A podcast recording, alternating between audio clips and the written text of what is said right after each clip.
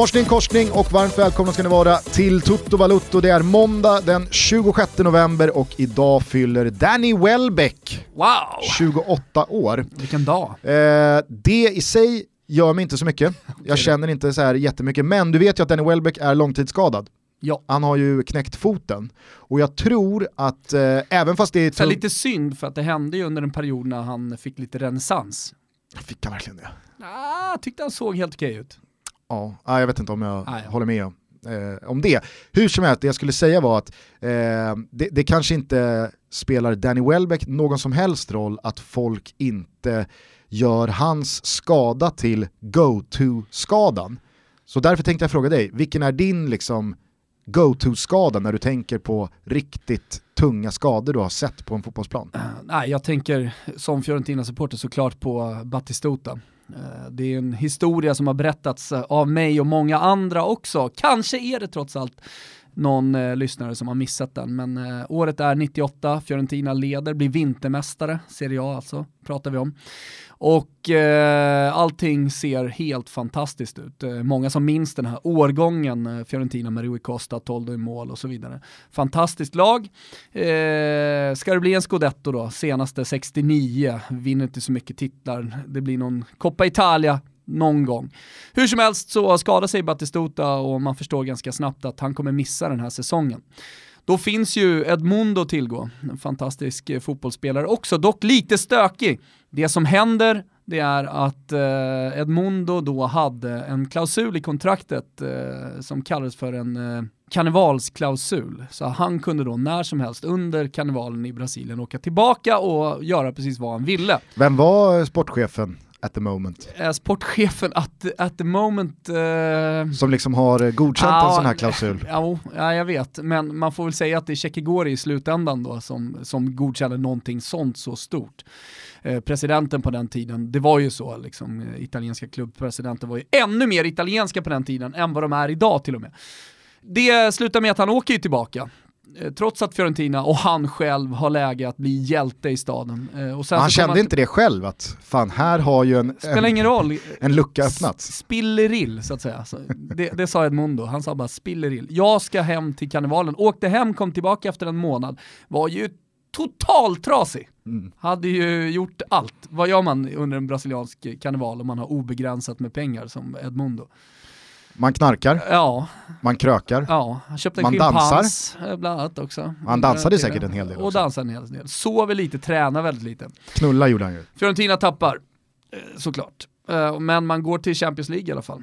Då får man ju AIK då, en legendarisk grupp 99. Mm. Mm. Ja, jag kan bara... Roberto Baggio en annan som eh, slog sönder knät innan han blev den stora Roberto Baggio, alltså innan ja. eh, 90 då, Lite före liksom min den tid. Bre ja, jo men då den breda fotbollspubliken verkligen insåg vilken stor fotbollsspelare Roberto Baggio var, så drabbades han ju av en eh, ja, liknande Zlatan-skada, så han trasade sönder hela knät. Eh, och den första domen var att karriären var över, men han krigade sig tillbaka och uppenbarligen så funkade det ganska bra. Eh, en inspirationskälla för alla unga då, såklart som har skadat sig och skadat sig allvarligt. Mm. Han hade ju kunnat bli den här spelaren, lite som du är, hade jag inte brytit ryggen ja. så hade jag blivit bättre än Albin Ekdal. Det är din normala sägning.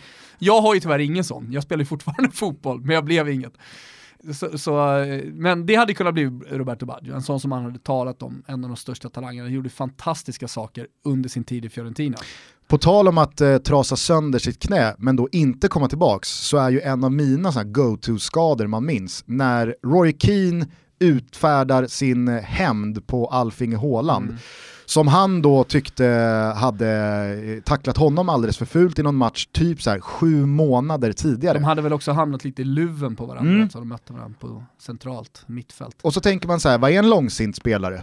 Hur, hur, hur, eh, hur långsint kan man vara? Hur långsint kan man vara? Kino, han eh, gick ju och ruvade på det här och mycket riktigt då när de sen möts, jag tror att det var ett drygt halvår senare, då så, så, så, väntar han ju in det rätta läget. Sen sträcker han benet och eh, avslutar Alfing Hålands karriär genom att eh, fullständigt demolera hans högerknä i en helt jävla vidrig tackling. Och jag alltså, kommer ihåg de där bilderna när de kom och man ser Håland liksom voltar och Roy Keane tittar inte ens mot domaren, han vet. Det är rött kort, det är lika bra att börja gå av plan tar av sig kaptensbindeln. Ah, alltså, otroligt svårt att gilla det där. Men eh, den har ju bränt sig fast på näthinnan. Om man ska ta en annan, om jag ska ta en eh, objektiv skada som eh, har bränt, bränt sig fast verkligen på näthinnan så är det ju Thomas Brolin. Och när han eh, skadar foten, är det mot Bulgarien i ett kval? Jag tror att det är Ungern. Ungern. Ungern. Det är alltid. Alltid, alltid, alltid, alltid Bulgarien eller Ungern. Ungern. Eh, den sitter faktiskt som eh, löp på Expressen, de har tapetserat väggarna med eh, här, ja, de största löpen och på sportavdelningen då så sitter en del eh, historiska löp och bland annat då när eh, Thomas Brolin har man ju fotat precis i ögonblicket när foten ligger under. och det som, var, det som blev också med lite perspektiv på den skadan än idag eh, var ju att Thomas Brolins karriär tog ju slut där. Ja. Alltså även om den fortsatte så blev det ju ingenting mer. Han kom ju aldrig tillbaka riktigt så bra som han var. Eller inte ens i närheten så bra som han var 94. Nej, verkligen. Nej, det var, det var hemskt. Eh, alltså... Den kan man gråta lite över. Vad hade hänt? Hade han stannat i Parma å andra sidan? Det kanske hade räckt för att han hade, skulle ha kommit tillbaka. Mm. Någon som inte lät sig eh, nedslås av en riktigt tung skada, alltså på svensk nivå, utan firade stora framgångar även efter. Henke. Det är ju Henke Larssons ja. benbrott mot Lyon. Fortfarande ett av de absolut märkligaste eh, benbrotten, benbrotten ja. man har sett. Han, han löper längs vänsterkanten. Jag tror att de möter Lyon va? Ja. Och så har han en gubbe liksom jämte sig springer, springer, springer och sen så är det som att en eh, liksom, plockepinn-pinne mm. eller en eh, liksom Kina, Kina-pinne? vad heter det? Jag tänker på saltpinne. Ja men saltpinne, men vad heter, vad heter det pinnar man käkar med? Alltså... vad säger Kina-pinne? Nej. Vad säger man? Vill ha pinnar? pinnar. Ja. ja. De är i och för sig ganska stabila. Ja, men ta en saltpinne då, det är väl ett bra ex exempel. Salt. Helt plötsligt så går det bara av. Jo men det märkliga med den Spricker var ju på båda han, ställena. Ja och att han inte hade, han var ju inte skadedrabbad. Han hade bra läkkött, han hade en bra kropp som eh, liksom, tog emot allt, eh, all stenhård träning och han fortsatte att spela fotboll väldigt långt upp i åldern. Mm. Jag skulle kunna tänka mig att eh, Henke Larsson skulle kunna gå in i eh, ett eh, typ division 1-lag idag och göra det bra. För att han har någonstans genetiskt eh, en, en god fysik. Ja, och sen så var väl hans edge alltid att han var så mycket smartare än 98% av försvararna han mötte. Jo.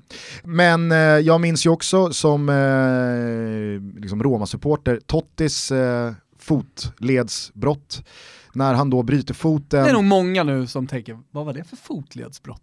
Nej men han, han vrider ju, han får ju hela vikten över sig och fastnar med foten och eh, bryter Inför ett 2006 va? Exakt, det är ju med typ så här fem månader kvar till VM och kämpa sig tillbaka och... Gör inget jätteavtryck. Eh, Nej det är ju, han sätter ju straffen mot Australien ja. i åttondelen det är ju egentligen Tottis enda stora stund i det där VM-guldet. Mm. Eh, annars håller jag med dig. Jag minns ju inte tillbaka på det där italienska VM-guldet och tänker att nej. fan vad Totti det var. Ja, men, men, det var en kamp mot klockan, det, ja. det minns ju jag som bodde i Italien under den tiden, att man pratade väldigt mycket om det. Det var precis som att Baggio då skulle med i EM 2004. Mm. Eh, det, det, det, var den stora snacket. Kom ju aldrig med. Nej. De är Nej men och sen så minns jag när eh, Shawcross sparkade av eh, Aaron Ramseys fot på Britannia. Mm. Eh, det hänger ju kvar än idag. Shawcross blir fortfarande utbuad av Arsenal-supporter och Ramsey blir utbuad då av Stoke-supporterna. Fattar inte riktigt varför.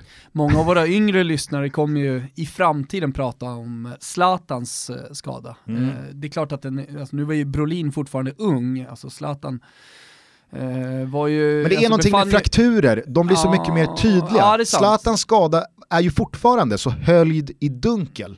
Alltså ja, man fast vet mindre ju... idag, eftersom Mats Olsson har skrivit boken, har kommit ut och där pratar han mer öppet om det. Men man behöver det direkt för att det ska liksom påverka minnet. Och, Jag håller med. Eh, liksom, hela, hela segmentet behöver ett avslut mm. i kort tid. Vad var det som hände? Vad är prognosen? Är det över? Eller det är båda korsbanden? Eller det är... Känner du bryggan? Känner du hur den liksom bara står här för att kliva över? Nej. Du gör inte det? Nej. Zlatan till Milan. Ah. Närmare än någonsin eller? Ja, absolut. Alltså nu, igår satt och kollade på Skys studio eh, och då, då pratade ju både Gattuso och eh, Leonardo, sportchefen, ganska öppet om det här. Det är klart att de inte går in i detalj eh, på en eh, förhandling som pågår. Eh, men eh, det, det är så vidöppna dörrar som båda håller till, till den övergången. Och jag vet att jag skrev en krönika eh, där jag mer eller mindre liksom satte mitt liv på att han skulle gå till Real Madrid. Jag gjorde inte det, märk väl. Men för att jag tyckte att den var så, att det var en perfect match. Fan vad du hade kunnat nå någon slags legendstatus i svensk sportjournalistikhistoria om du faktiskt hade lovat och sen så går han till Milan och du blåser skallen av dig. Han var fan committad. Han var, Thomas Wilbach, han var committad han till sin magkänsla. Han höll fan ett vad alltså. ja. ja, där missade Till du. skillnad från Dalkurds sportchef, som vi hade ett vad om, Gian Dalaba, han skulle stå och grilla på Calciojoggen i en Juventus-tröja, han är Parma-supporter. Eh, om, man om man torskade vadet. Torskade ju vadet men stod Vad var det ändå inte, nej men det var något, eh, Iguain tror jag att han skulle göra över 20 mål någon, någon säsong här mm. för någon, något år sedan. Och så höll han inte vad. sånt där blir man ju verkligen arg på. Man har, håller sina vad. Har Gian Dalaba också eh, avancerat till sportchef? Möjligt. Ja. Ja, det, jag, jag, tänker i en Alarmer, som Alarmerande för Dalkurd i sådana fall. Jag vet inte fan om det är det ändå. eh, jag, jag, jag, tror på Gian, men, men det blir ju så i, i en klubb kanske som blir neddegraderad att eh, en, till exempel presschef då, får eh, lite större utrymme, större eh, ansvar också mm. i en mm. klubb. Ja, nej, ju mer jag tänker på det så, så känner jag att du hade kunnat gå ut på sån jävla smäll. Ja. Jag ska, jag ska läsa igenom den här krönikan, kanske finns något slags sånt vad. Får vi se är om, det motiverat här att blåsa skallen Får vi se också. om jag äter julkaka i år överhuvudtaget mm. eller inte. Ja, äh, men eh, okej, okay. eh, vad, vad, du som har följt eh, italienskt sportcheferi och eh, Mercato väldigt, väldigt många år. Alltså, är, är, det här händer? Ja men det händer om Zlatan vill det. Ja. Det, det. det, är på den nivån nu. Alltså, de diskuterar hur mycket han ska tjäna, men det, det är i slutändan inte jättemycket pengar. Det finns en liten sån här brasklapp att eh, Milan som har blivit straffade av Uefa på grund av Financial Fair Play i somras eh, måste ha någon slags dialog med dem när de nu ska värva i januari. Mm. Eh, men jag, jag, tror att i det här fallet när det inte handlar om så mycket pengar att de faktiskt kan komma runt det ganska enkelt.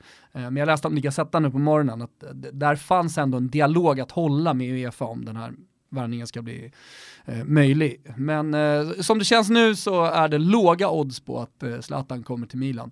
Och eh, jag vet inte, vad känner du kring det själv? Uh, jag, jag, personligen nämligen uh, går igång på det här fortfarande. Jag går igång på Zlatan. Jag vill, jag vill, jag vill se honom spela fotboll så, så länge han bara kan. Och jag tror ju på Zlatan som fotbollsspelare fortfarande också. Mm. Uh, jag, jag, jag, känner att han har en vända till i sig.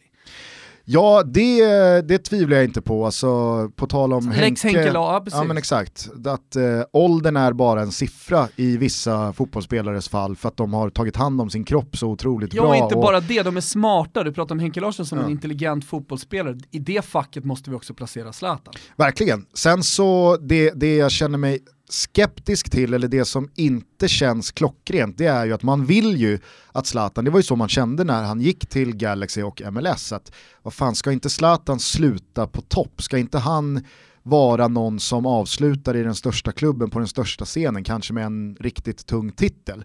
Nu har han ju bevisat att så här, Sånt ja, nej, svårt det, scenario. Såklart, jag menar bara att Milan i det här läget, titta på en Iguain, som man måste hålla som en, en, en, en, en starkare anfallare idag, 2018, snart 2019, än eh, Zlatan Ibrahimovic. Framförallt en annorlunda och det, det som det pratas om i Italien är att de kan leva tillsammans och jag tror inte Zlatan har 90 minuter i sig eh, varenda match. Nu kommer Coppa Italia för, för Milan i, i januari, dessutom har de Europa League så de kommer gå vidare i gruppen och, och så de kommer spela på tre fronter det, det, det, kommer finnas möjlighet att dels spela båda men också att rotera. Löser de ett avancemang i Europa League? Ja men det gör de. Okay. Det gör de.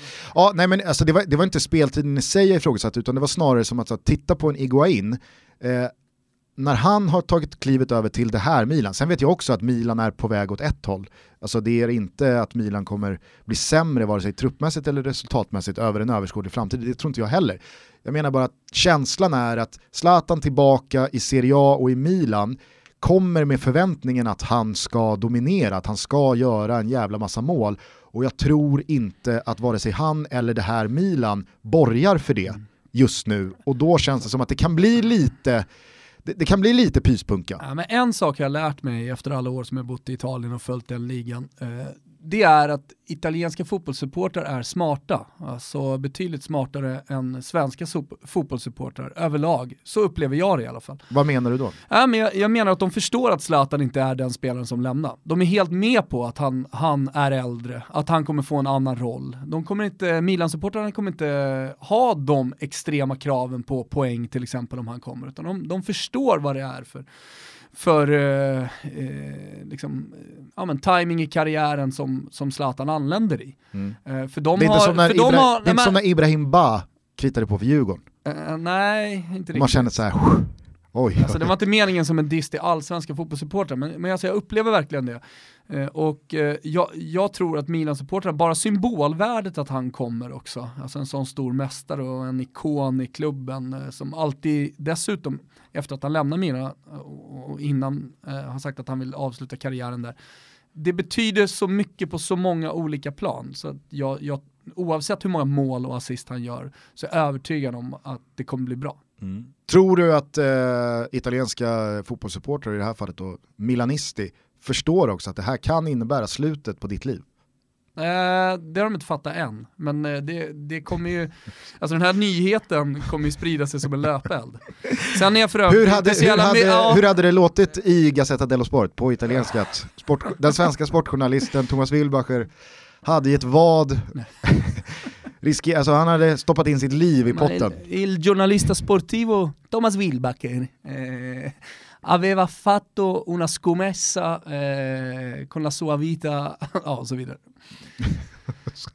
Poi si tolta la vita och sen så frågar man sig så här, hur, hur, hur, hur tar jag då livet av mig? Jag är inne på den här serbiska politikern som i kongress i någon slags, nej, i någon, någon, slags process då eh, blir dömd för eh, massmord eller vad är det? Ja, men det är väl alltså, så här, brott mot mänskligheten va? Ja, suger i sig en cyanidkapsel. Mm. den är så sjuk ja. alltså, så att det, alltså man ska kanske inte skratta åt det, makabert, men, men det, det, det, är den giffen. Och det är så jävla viktigt att han, när han för eh, kapseln eh, mot munnen, också är handfängslad. Alltså att han gör det med båda händerna. Ja, det har jag inte tänkt på. Jo. Han har handfängsel. Han ändå lyckas smuggla in det där. Ruskigt viktig detalj. Ja, så att, eh, det kanske blir på Oscars då. Om han blir klar innan Oscars så tar jag cyanidkapseln på scen. Ja, kan bli starkt. Kan bli starkt. Mm. Finns några få plåtar kvar förresten. Till avsnitt Välkomna. 200 nästa vecka, totobalotto.se. Det blir så jävla kul. Ja. Vi är fortsatt sponsrade av Xbox Gusten. Och vet du vad som är så jäkla bra med Xbox? Ja, det är väl att det är den bästa konsolen out there. ja, men alltså överlägset bästa. Det var ju som eh, jag berättade om tidigare, när jag gick och sökte liksom, den perfekta boxen och valde då mellan alla som fanns där ute, eh, så lärde jag mig en sak. Och det är egentligen det enda man behöver veta. Mm -hmm. Och en, en mening som eh, liksom har fastnat i skallen på mig, det är att games play best on Xbox. Ja. Det låter ju som en klyscha då kanske, att eh, spel spelas bäst på en Xbox-konsol, tänker du eller någon som lyssnar. Ja, man kan väl eh, Så säger det, väl alla? Man kan väl se på det som någon slags analogi att Xbox är en perfekt klippt gräsmatta att spela fotboll på. Ja, kontra då att spela på till exempel en konstgräsplan. Eller grus. Eller grus. Eller inomhus. Ja, men för det finns också, det finns alltihopa. Men ja. det här är den perfekta klippta gräsmattan. Jag tänker på när jag var på Santiago Bernabéu. Eh, och så hade de sådana här solceller på halva planen liksom, för att det skulle växa då med perfektion. Mm. Eh, och perfektion är Xbox-boxen. Eh, Fotboll spelas bäst på gräs, spel spelas bäst på Xbox. Enkelt, eller hur? Eh, och de som då tvekar kan ju berätta bara lite kort om prestandan på den här konsolen. Ja, men dels finns det då en riktig 4K spelare. Mm. Ja, och det är någonstans eh, fundamentalt för att det ska vara toppspel. HDR som ger otrolig grafik eh, och det här kan man då sammanfatta med att säga att konsolens prestanda gör att du får högre upplösning, snabbare bildrutefrekvenser och förbättrade texturer.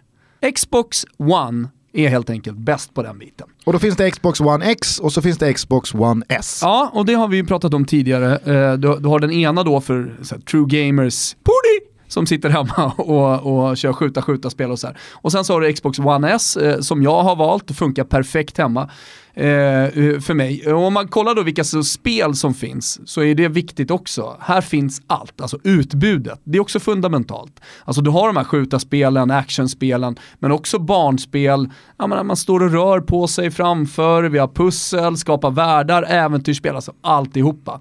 En jävligt viktig del också i liksom att välja konsol, det är de exklusiva titlarna som bara finns på Xbox. Och där har jag fastnat vid Forza Horizon 4, som är ett bilspel och som är så otroligt bra. Eh, och sen så är den bakåtkompatibel också, så att du kan spela gamla 360-spel, Xbox 360 till exempel. Så att, alltså det här är, det, det, den är så komplett och så bra. Så om det är någon där ute som funderar på att köpa en konsol till sig själv, till sina barn eller vad det nu är inför julen, välj Xbox. Exakt. Ta med er det här ut i julhandeln. Vad spelar jag helst fotboll på? En perfekt klippt gräsmatta eller en grusplan? Och så är, då är det bron över till då tv-spelskonsoler. Vad spelar man helst tv-spel på? Xbox eller någon annan dassig historia? Och ni har ju meningen då som har fastnat hos mig. Games play best on Xbox. Tack till Xbox! Vi är också fortsatt sponsrade av Stay Hard och det är vi väldigt glada över. Jag skulle faktiskt vilja rikta mig till eh, Miljöpartiets Gustav Fridolin. Jaså? Vet du varför? Nej. Han eh, gick ut här eh, för några dagar sedan och dissade hela formatet eh, och påhittet som han menar då, Black Friday. Ja. Skrev då, han la ut någon bild med Black Friday överkryssat och så skrev han “Jag köper inte”.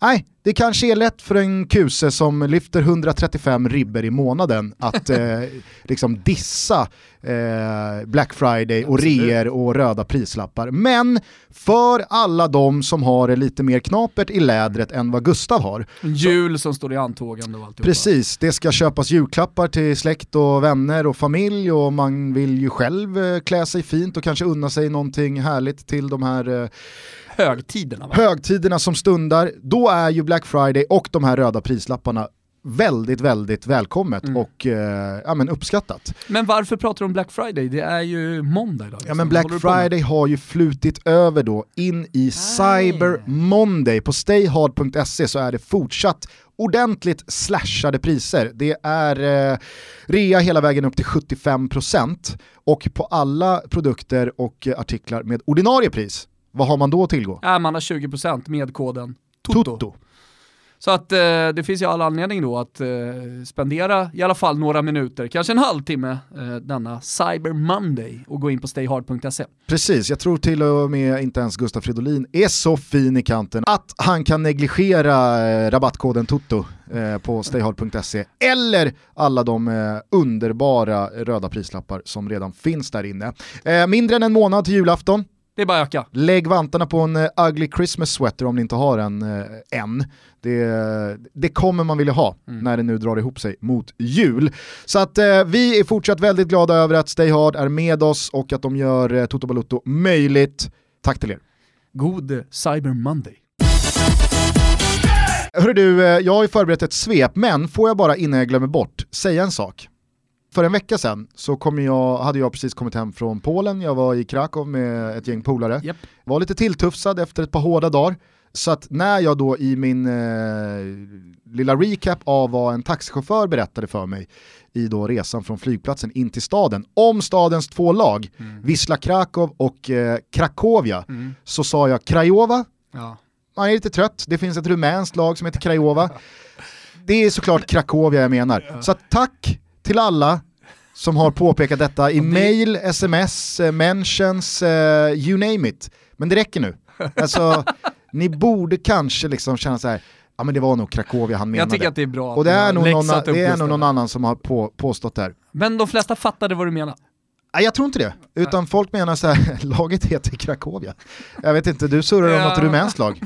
Eh, sen så gillar man ju de som också då säger att nej, de spelar aldrig samtidigt. Ja. Okej, okay.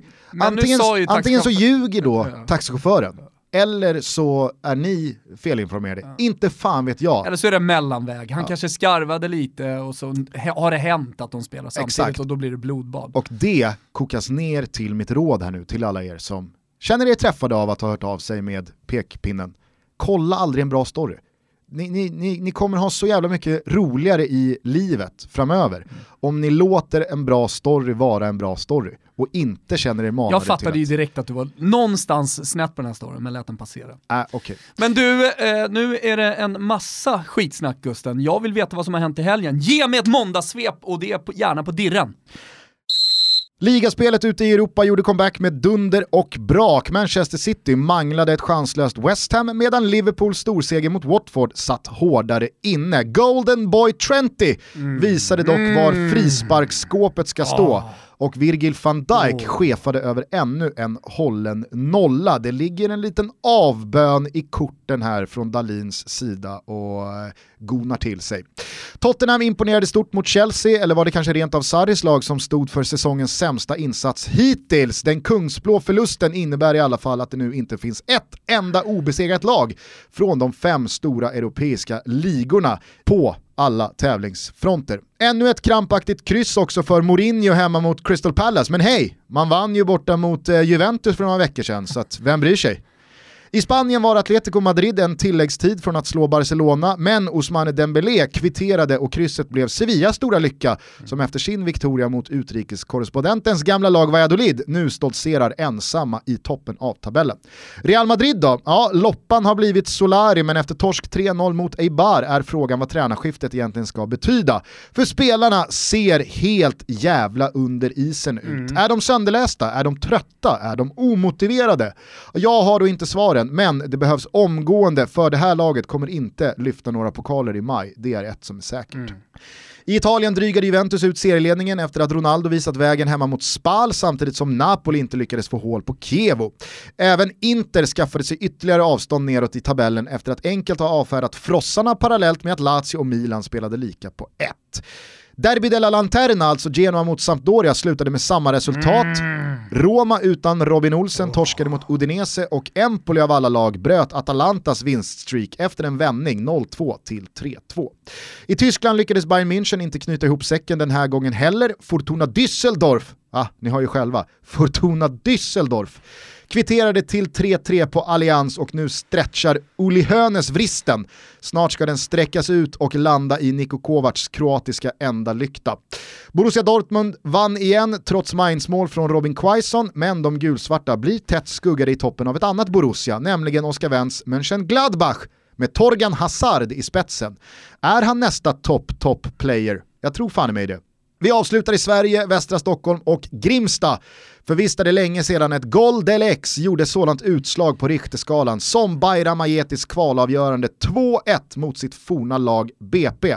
Trots att det ruttna ägget lämnat, som han själv uttryckte det, dedikerade han målet till före tränaren Luis Pimenta och sportchefen Daniel Majstorovic.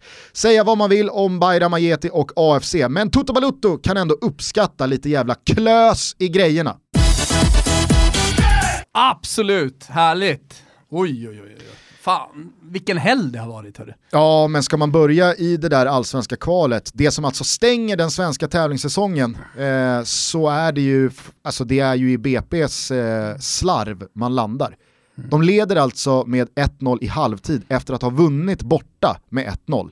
Då ska man inte, man ska inte tappa det då. Nej, Nej men jag klev in Eh, på träning med mina tjejer och säger bara till min tränarkollega som också är intresserad av svensk fotboll, att eh, BP klara, står 1-0, aj, och sen kör vi eh, 45 minuter och efter det så är, eh, är det är det 2-1 till AFC. Det jag tycker är ballt i den här storyn, det är ändå Kurci som eh, gör en jättematch.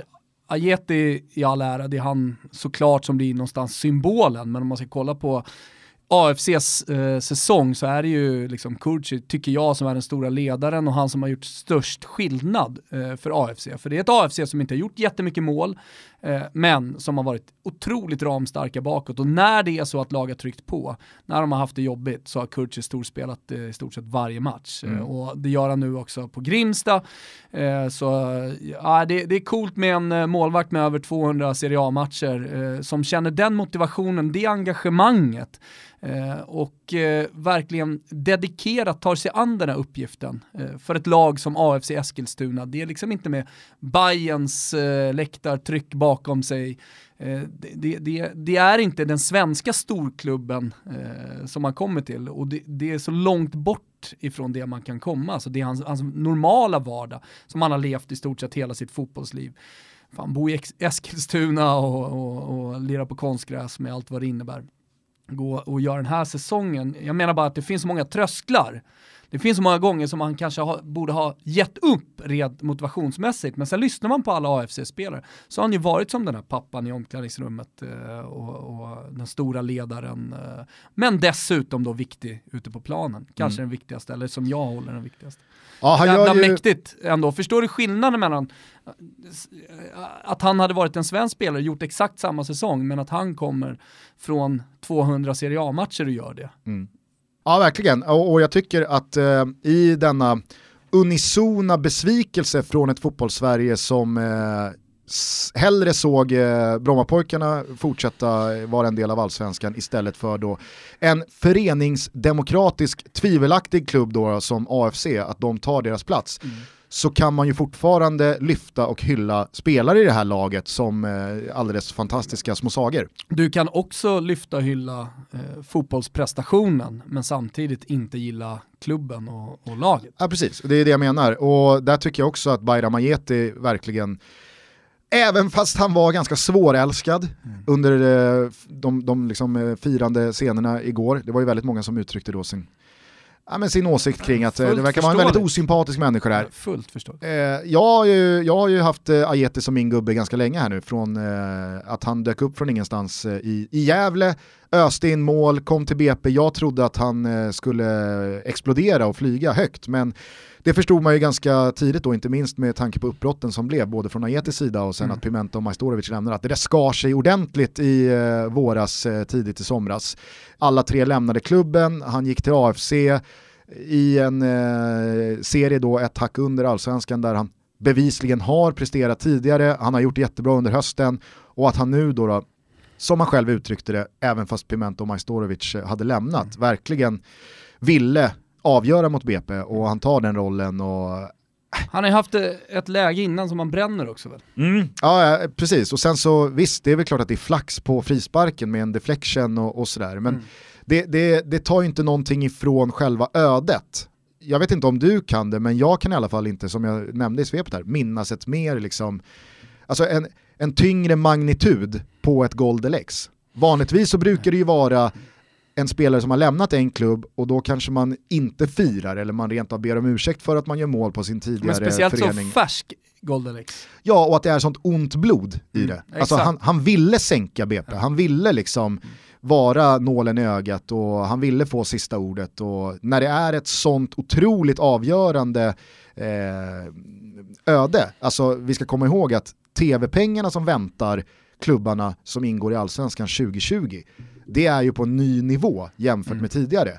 Och att då befinna sig i allsvenskan 2019 kontra att BP situation då att börja i superettan 2019 med krav på sig då att bli etta, tvåa eller lösa ett kval nästa år. Med en trupp som, ja vad händer med den? Jack Lane, alltså, de kanske måste sälja honom nu för att skaffa sig eh, likvida medel att förstärka truppen. Mm. Björknesjö kommer in, liksom skulle rädda eh, sitt BP, åker ur. Vad händer med honom? Vem tar egentligen sportchefrollen här nu efter Majstorovic ja, eh, har lämnat? Det blir ju så. Alltså det är himmel och helvete. Ja, samtidigt som då AFC är tillbaka i mm. allsvenskan, mm. Ryssholm lär nog säkert peta in ett par tveksamma miljoner till ja. för att stärka den truppen. Kan de då lösa fortsatt, eller fortsatt, eh, eh, vad säger man, eh, fortsatt eh, allsvensk existens även efter nästa säsong? Ja, då kanske AFC blir en konstant i allsvenskan framöver de kommande 10-12 åren. Vad vet jag? Så att det var ju ett alltså, sån jävla och det är häftigt när fotboll kokas ner till minuter, mm. sekunder med så mycket ah. i potten.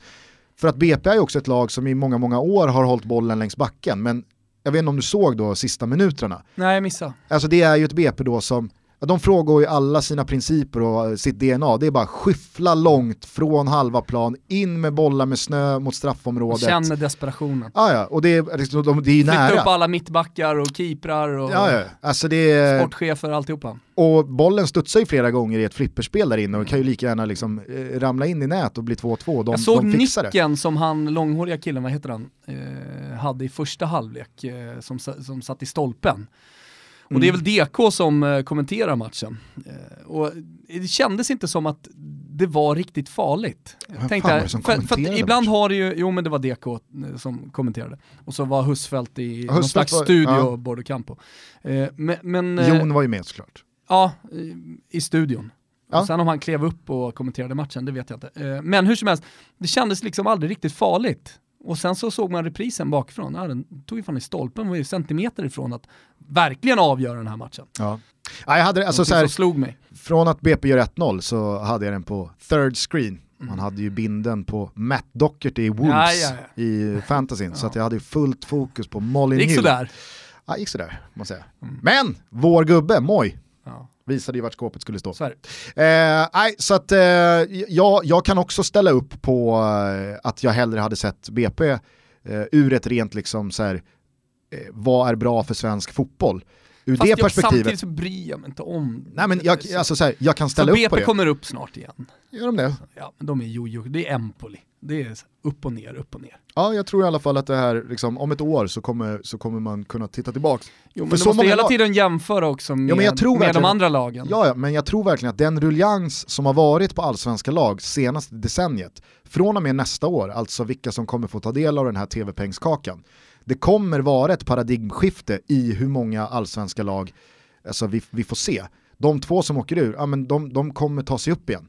Eh, och jag, jag tror att, nu, nu ska jag inte ta gift på det, men min magkänsla säger att majoriteten av kvalen senaste tio åren har vunnits av superettan 3 snarare än av eh, det allsvenska laget nummer 14. Eh, men det får väl folk då slå mig på fingrarna. Till Eh, skillnad från SHL så är det faktiskt möjligt att ta sig upp i allsvenskan fortfarande. verkligen. Eh, andra reflektioner då från eh, svepet? Nej, Vill du prata jag, lite Trent Alexander-Arnold? nej, det finns inte så mycket att säga förutom att han är GOAT, eh, älskar honom. Men eh, nej, jag behöver inte hylla honom mer än vad jag redan har gjort. Nej, men jag, tänk, jag tänker ganska mycket på Alltså när jag summerar den här helgen så tänker jag på supportrar. Alltså för det har präglat min helg väldigt mycket. Eh, dels eh, Genoa-derbyt som spelades 2030 igår, så det finns ju fortfarande lite färskt. Ett fantastiskt eh, tifo som det alltid är, men, men en så här, sångprestation från kurvorna i den första halvleken som var fullständigt galen. Det är de här tunga, dova, höga bangersen som smäller av, som gör någonting med mig. Mm. Jag vet att det är många som lyssnar på det här som inte gillar bangers, eh, men eh, Vart såg du den där matchen? ja, på Strive, via Strive såklart. Ja. det är enda sättet att se Serie A nämligen, tillsammans med La Liga. Jag tänkte bara understryka det när du då eh, så Strive är en fint talar om eh, en, ja, en så vacker Vi är match. sponsrade av Strive, men Strive är också en del av mitt liv. Det, det, det, det har liksom blivit en del av vardagen, man kopplar bara upp Strive. Mm. Så att eh, det, och, och funkade klockrent här under eh, Genoa-derbyt. Dessutom, hörru Gusten, nej men det, det jag skulle säga är bara att eh, efter den här helgen så tror jag att eh, det pågår ganska många diskussioner eh, runt om i Sverige, men i världen också, eh, vad det gäller liksom supportrar, vad man får göra, vad man inte får göra efter eh, El Superclásico som var finalen i Copa Libertadores, returen, alltså den sista matchen, River hemma, Boca skulle åka dit. Eh, jag tror att alla vet att det kaosade till sig totalt. Ja, jag utelämnade ju den ur svepet eh, Ja. i och med att det inte spelades någon fotboll, för jag misstänkte att vi skulle ta i Ja. den pucken ändå. Ja. Nej, men de, de, de som aldrig har levt den sydamerikanska, det är väl väldigt få, eh, men den sydeuropeiska också, eh, läktarkulturen, eh, gillar ju inte det här med eh, bengalinslag, man gillar framförallt inte det här med bangersinslag. Eh, för mig så har det ju varit min supporteruppväxt. Jag kommer ihåg fortfarande min första match när jag såg långt ner i Kurva Fiesel och helt plötsligt så small det runt mig. Eh, och då stod jag lite för långt ner. Jag borde ha förstått att uh, här, här landar bangsen, så de landar liksom precis bredvid mig. Uh, och sen så skrattade de åt mig för jag, jag sket ju bokstavligen på mig där. Lampredotton låg i byxan uh, efter, efter det där. Nej men, jag, jag tycker att det är, jag tycker att en banger är ett inslag som hör hemma på en fotbollsarena. och nu får folk såga mig hur mycket man vill, men jag var 20 bast.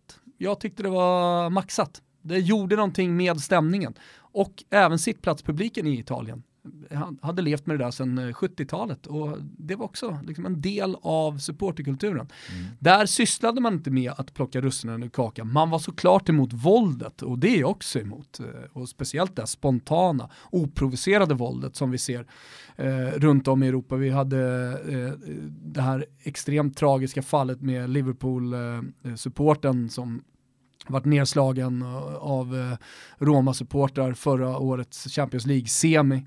Fortfarande mår dåligt och liksom kämpar sig tillbaka. Eh, men många andra fall också. Det, det oprovocerade våldet, våldet har inte, det, det, hör inte hemma i, i supporterkulturen heller. Eh, utan snarare tvärtom så, så, så är man emot det. Eh, och precis på samma sätt så, så, kan man ju komma då över till den här matchen mellan River och Bocca, där det är massa, o, eh, ma, ma, alltså, där supportrar kastar tegelstenar och grejer på en spelarbuss. Det hör inte hemma, där går, där går såklart min gräns också. Får jag bara fråga en sak? Mm. Eh, vad, vad säger du till de supportrar som tycker att eh, våld är en del av supportkulturen? Ja, men då, är det, då får det vara en del av... För jag menar, det, det, finns, det, det finns ja, ju... Nej, det finns ju... Vad, jag gillar inte att hålla på med pekpinnar. Uh, och, och, jag menar, det finns ju en del av uh, supporterkulturen som, som är väldigt våldsbejakande.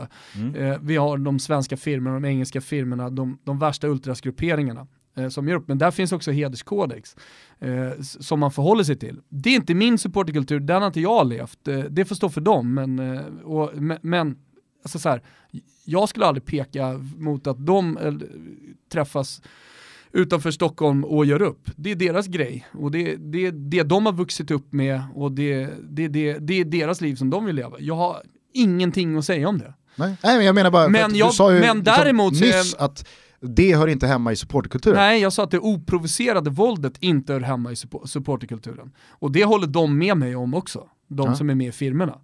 Eh, det, det, det, är liksom ingenting som de pysslar med, aldrig har pysslat med heller.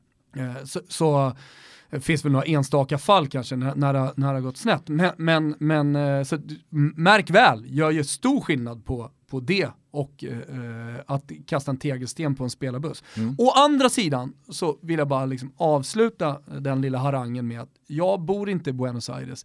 Jag har ingen aning om liksom, hur mycket de känner inför den här matchen, hur mycket den betyder. Eh, för det, det, liksom, det, finns de som lever i utkanten av samhället, eh, som kanske till och med har blivit svikna av samhället, eh, som har haft tuffa uppväxter, som lever i, i kriminalitet och har alltid gjort så. Så, så, att jag i Sverige ska sitta och döma argentinska supportrar, det är också helt fel.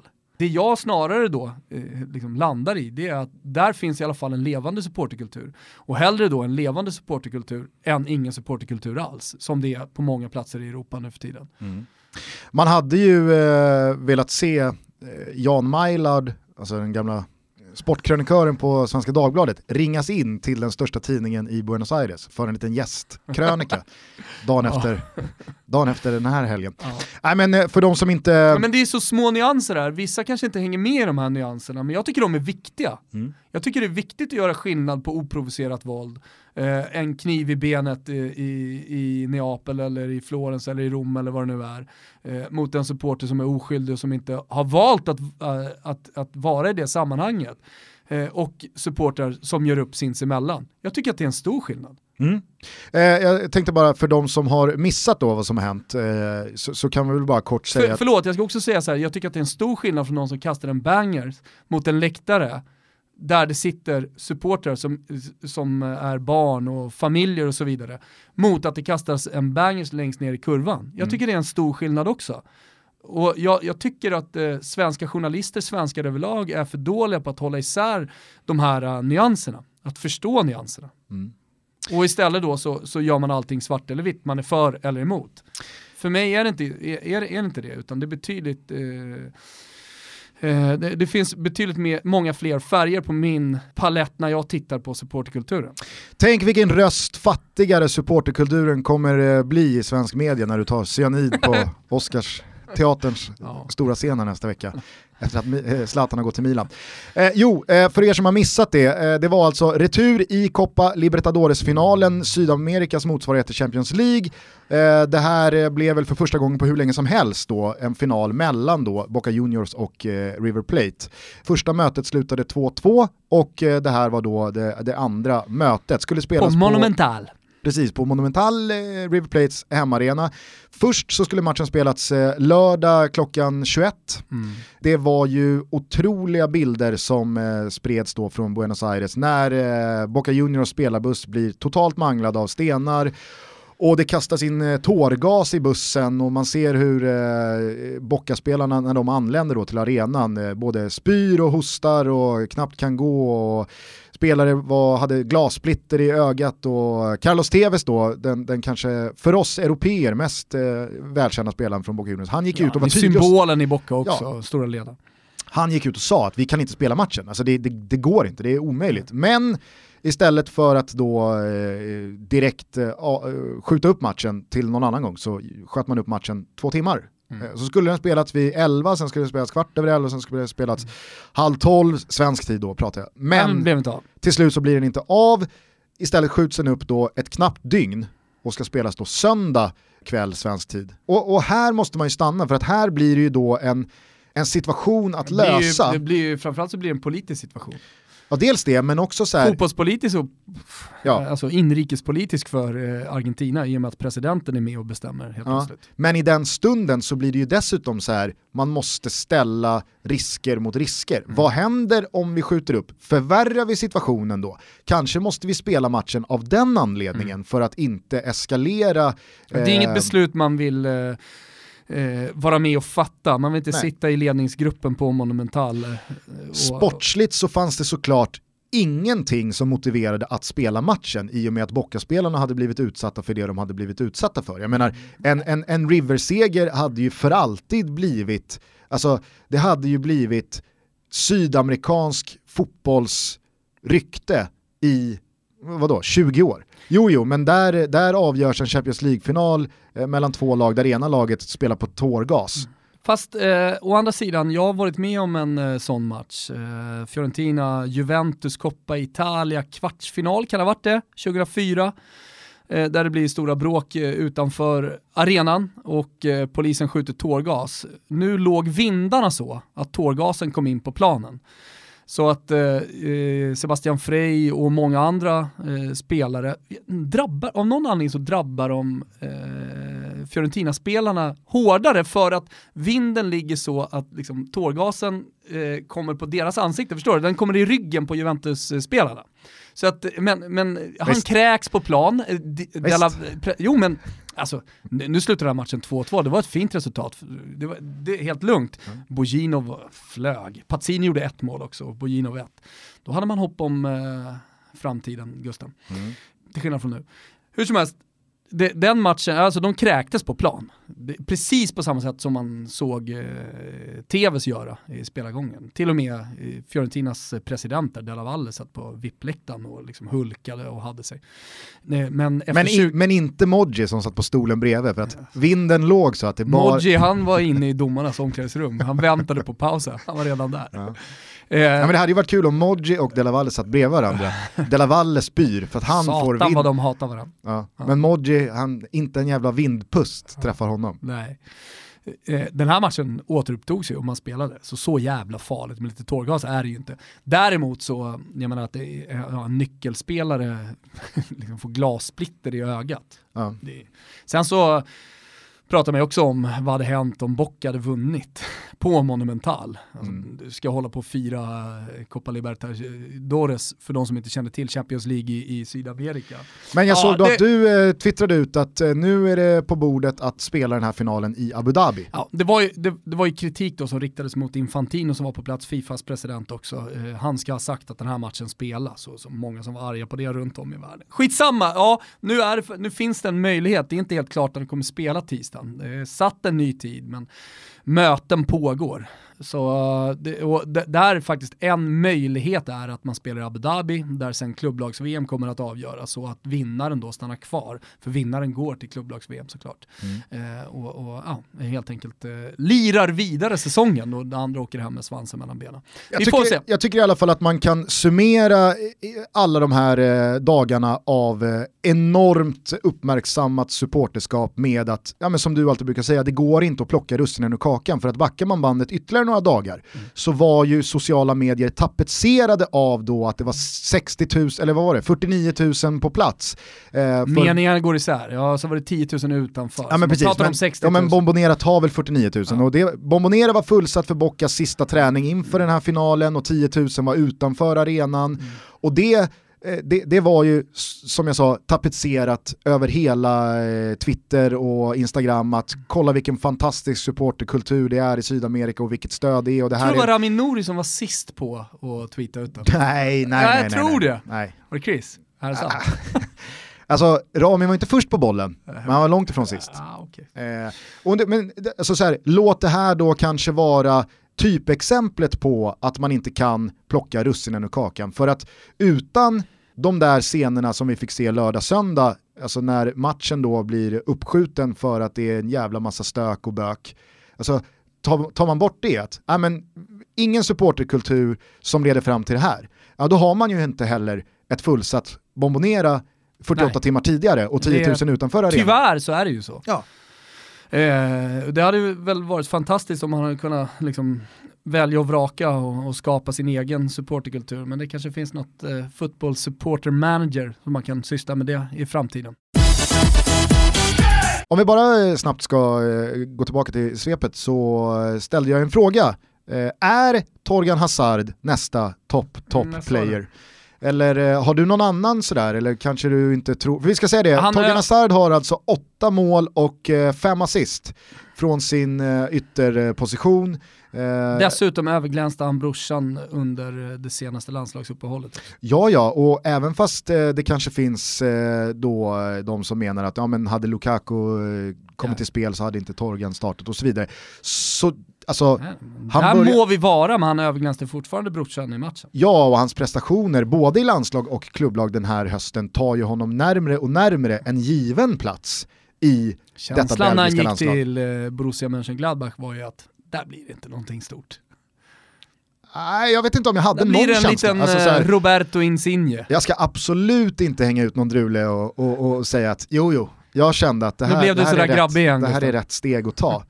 Men jag vet inte om jag hade någon känsla alls. Däremot så måste jag säga att under den här hösten så är liksom även fast Borussia Dortmund, som jag bara måste, alltså har, har du följt eh, Paco Alcacers höst? Ja men i, vi har ju eh, pratat om det ganska mycket. Ja, men vet du vad som är ett jävla mysterium? Nej. Det är att han inte startar. Nej, jag, jag, jag, när jag sa nej så kom jag på att...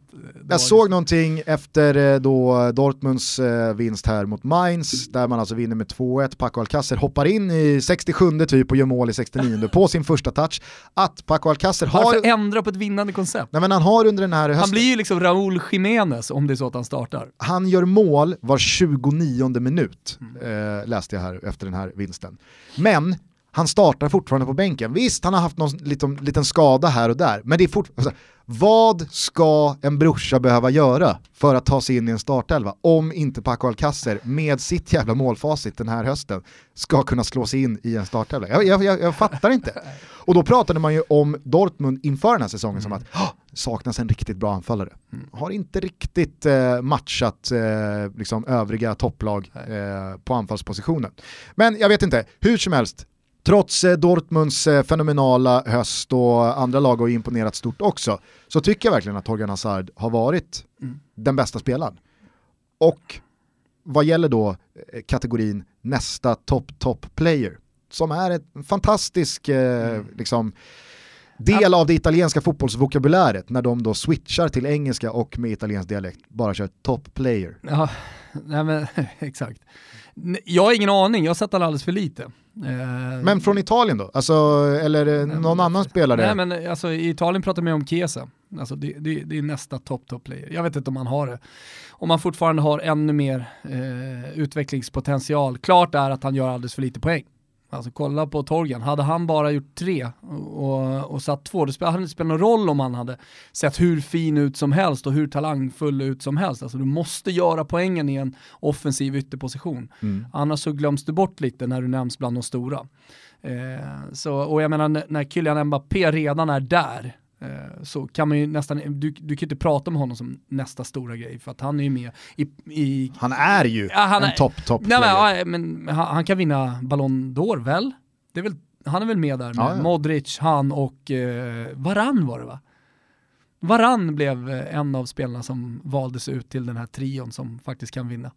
Men vad, alltså Messi och Ronaldo då? De, ja, då har jag missat det här helt eller? Nej men du måste ju prata om the best. Nej. Jag läser ur eh, Fredrik Pavlidis headline-svep här. Cristiano exkluderar, han får betala för att han lämnat eh, Real som har två spelare med. Det är Rafael Varan och Luka Modric, den tredje är Kylian Mbappé. Det är en trio som syns i slutet av klippet från L'Equipe, en syster till fransk fotboll som delar ut Ballon d'Or.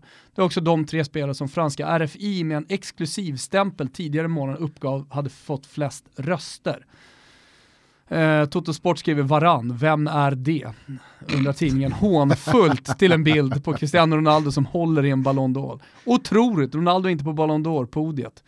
Eh, så att, eh, det, visst Men är det så? Eh, var det Messi då? Nej, han eh, dög inte. Det är ju första, första gången på, vad är det, 10 år, 12 år som eh, de här två gubbarna inte har chansen att vinna och inte kommer vinna det blir förmodligen, alltså, det blir ju Mbappé eller, eller Modric, jag menar varann, att han bara är en av tre, det är ju sanslöst. Men, men eh, det, det blir inte någon av dem. Så idag, 26 november, ja. så är det så att det är bara Varann, Modric eller Mbappé som kan vinna Ballon d'Or. Ja. Vilket jävla skämt. Ja.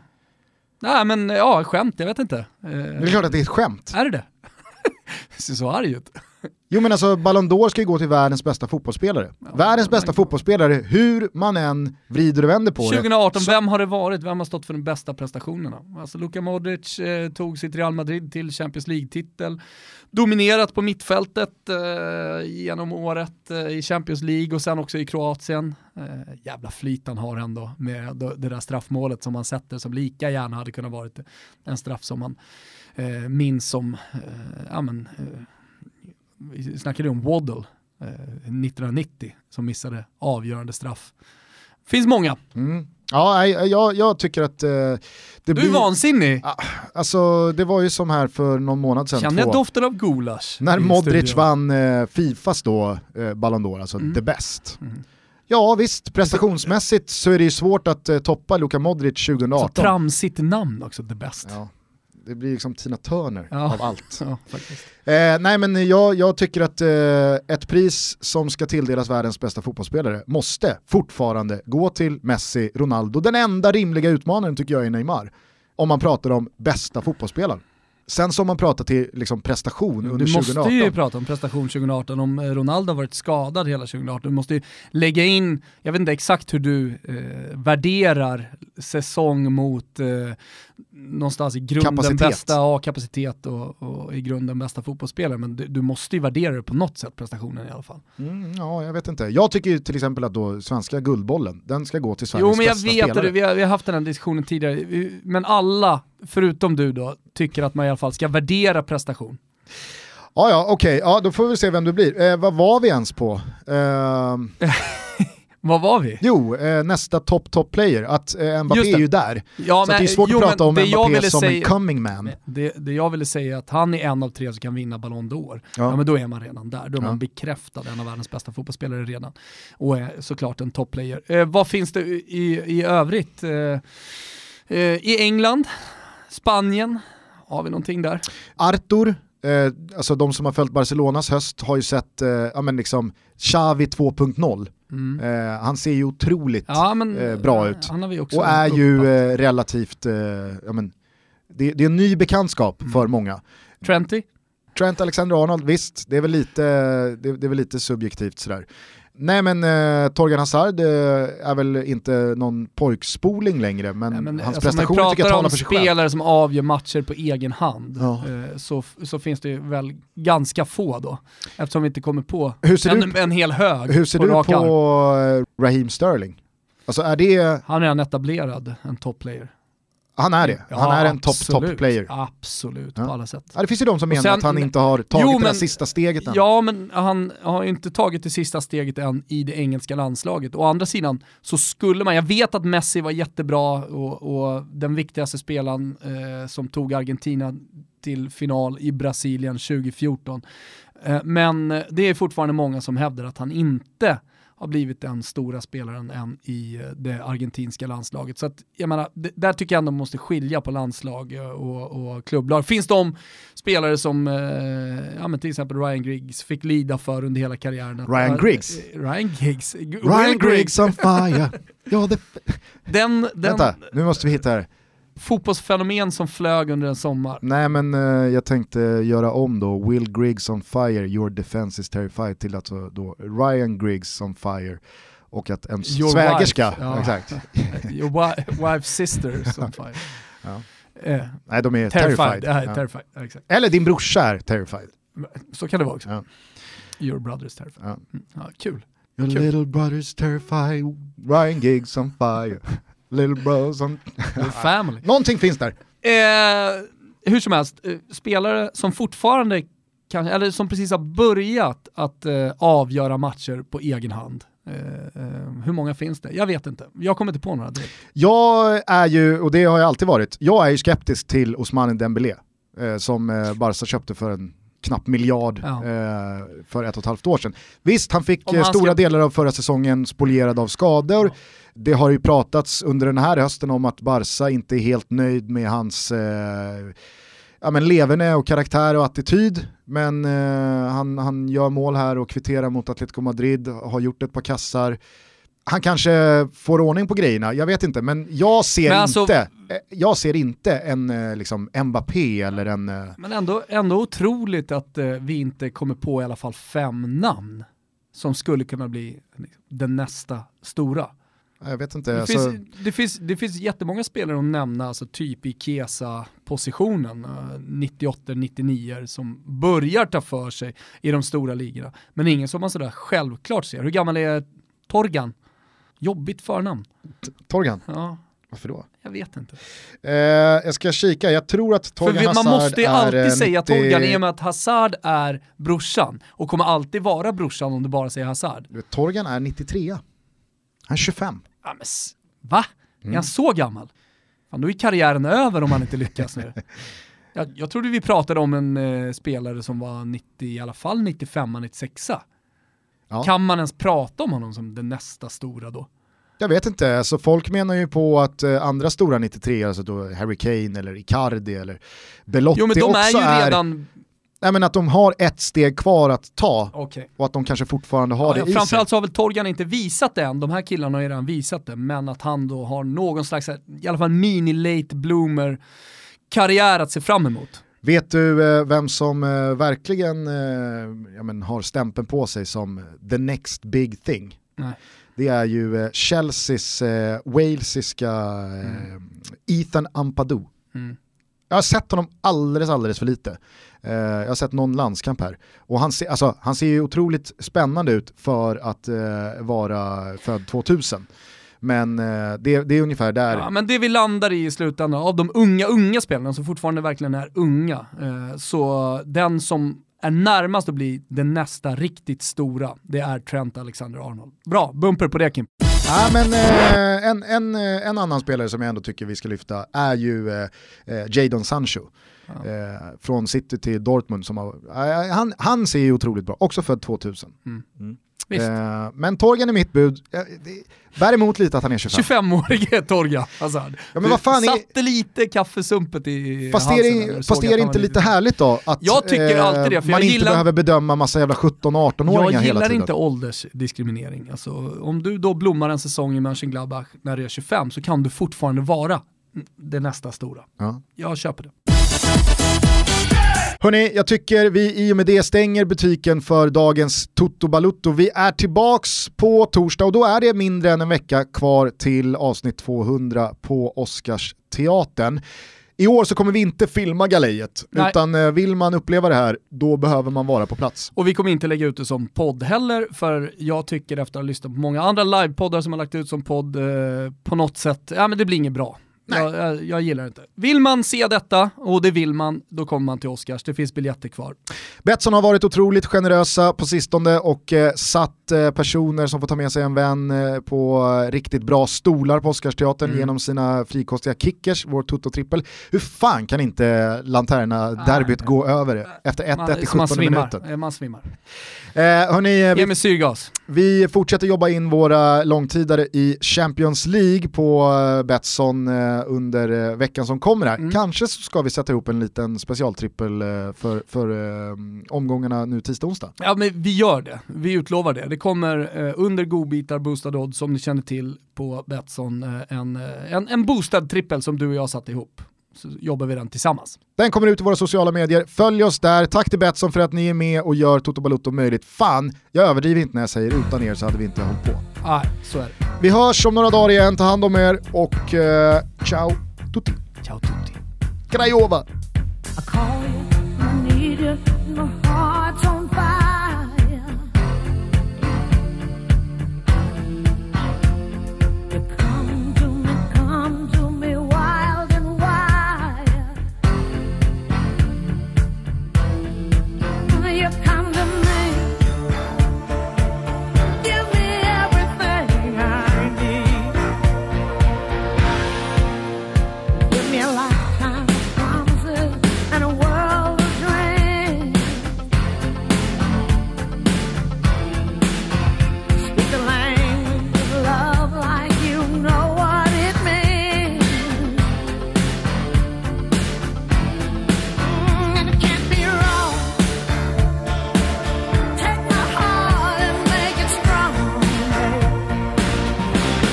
You say